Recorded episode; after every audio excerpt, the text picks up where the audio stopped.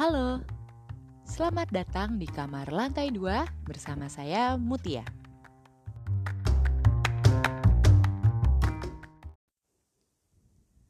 Beberapa hari terakhir di sebuah platform media sosial dengan lambang burung berkicau warna biru, muncul sebuah isu dan perdebatan menarik tentang opini. Jadi, awalnya ada seorang influencer dengan follower yang besar di Indonesia, kita sebut saja sebagai seleb A, mendapat sebuah kritikan dari warganet. Kritikan tersebut disampaikan pada postingan seleb A di mana dia mengupload foto selfie di kamarnya. Yang kalau menurut saya pribadi fotonya sih bagus-bagus aja karena memang objek fotonya udah bagus banget. Kemudian di postingan tersebut ada salah satu warganet yang mengkritik seleb A yang intinya mengatakan bahwa dengan follower dan platform dia yang besar, Sayang kalau hanya digunakan untuk upload-upload selfie, di mana dia akan menjadi lebih bermanfaat kalau digunakan untuk menyuarakan isu-isu penting yang sedang terjadi. Kritik ini muncul bersamaan dengan naiknya isu sensitif tentang rasisme yang sedang marak dibicarakan di berbagai media karena kasus kematian seorang warga kulit hitam di Amerika bernama George Floyd akibat perlakuan yang didapatkan oleh seorang polisi kulit putih. Kasus ini menjadi besar dan sampai mengakibatkan munculnya pergerakan protes dengan judul Black Lives Matter di banyak negara bagian di Amerika yang banyak juga berujung dengan kerusuhan.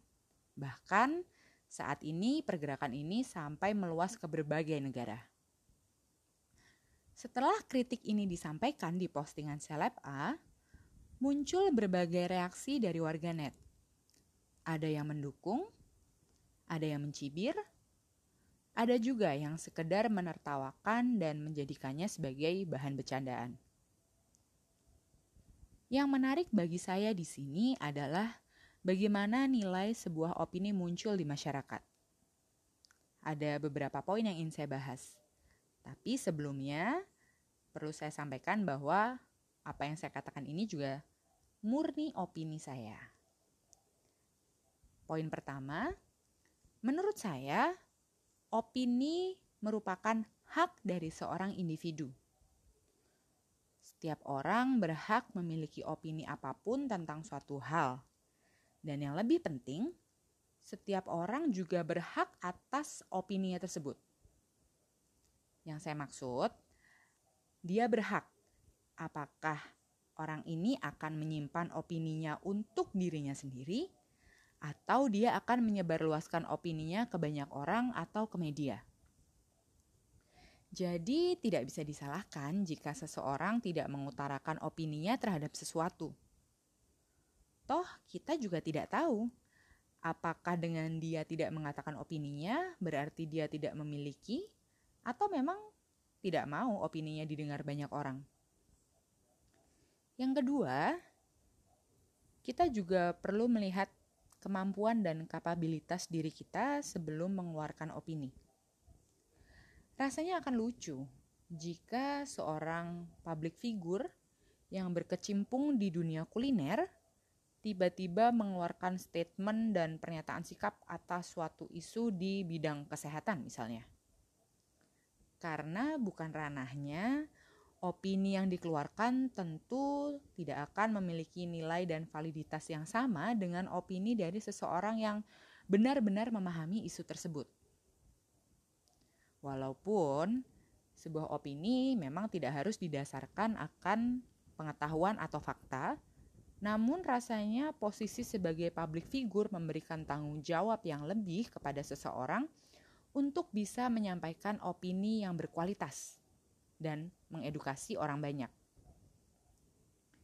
Dan poin ketiga, esensi dari sebuah opini adalah hasil pemikiran atau penilaian seseorang terhadap suatu hal yang bersifat pribadi dan individu. Jika opini tersebut adalah hasil dari desakan pihak eksternal, maka bukankah esensi dari sebuah opini akan menghilang? Bukankah akan jadi banyak bias di dalam opini tersebut?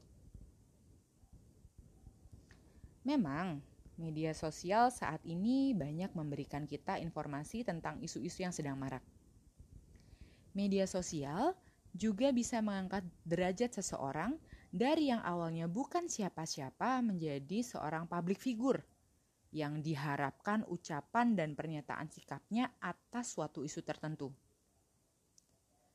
Menurut saya pribadi, seseorang yang sudah memiliki kapasitas sebagai public figure akan memiliki kesempatan besar untuk dapat mengedukasi banyak orang, tentu saja dengan memberikan informasi yang benar, penting, berguna, dan tentunya valid bagi masyarakat.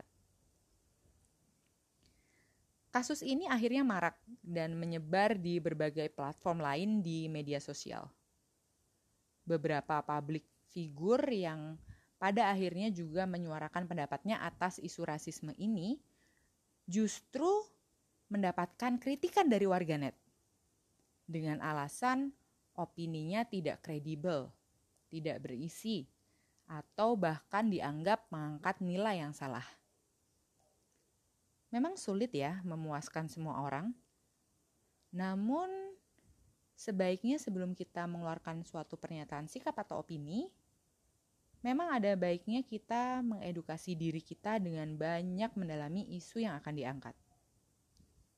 Tapi kembali lagi, menurut saya menyuarakan sebuah opini menjadi hak pilihan individu masing-masing. Dan menurut saya akan lebih baik kalau kita bertindak dalam diam dibandingkan dengan hanya koar-koar di sosial media dan berakhir sebagai omong kosong belaka.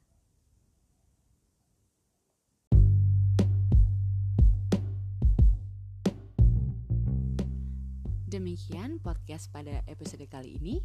Mohon maaf atas segala kekurangan dan sampai jumpa di episode selanjutnya. Salam dari kamar lantai 2.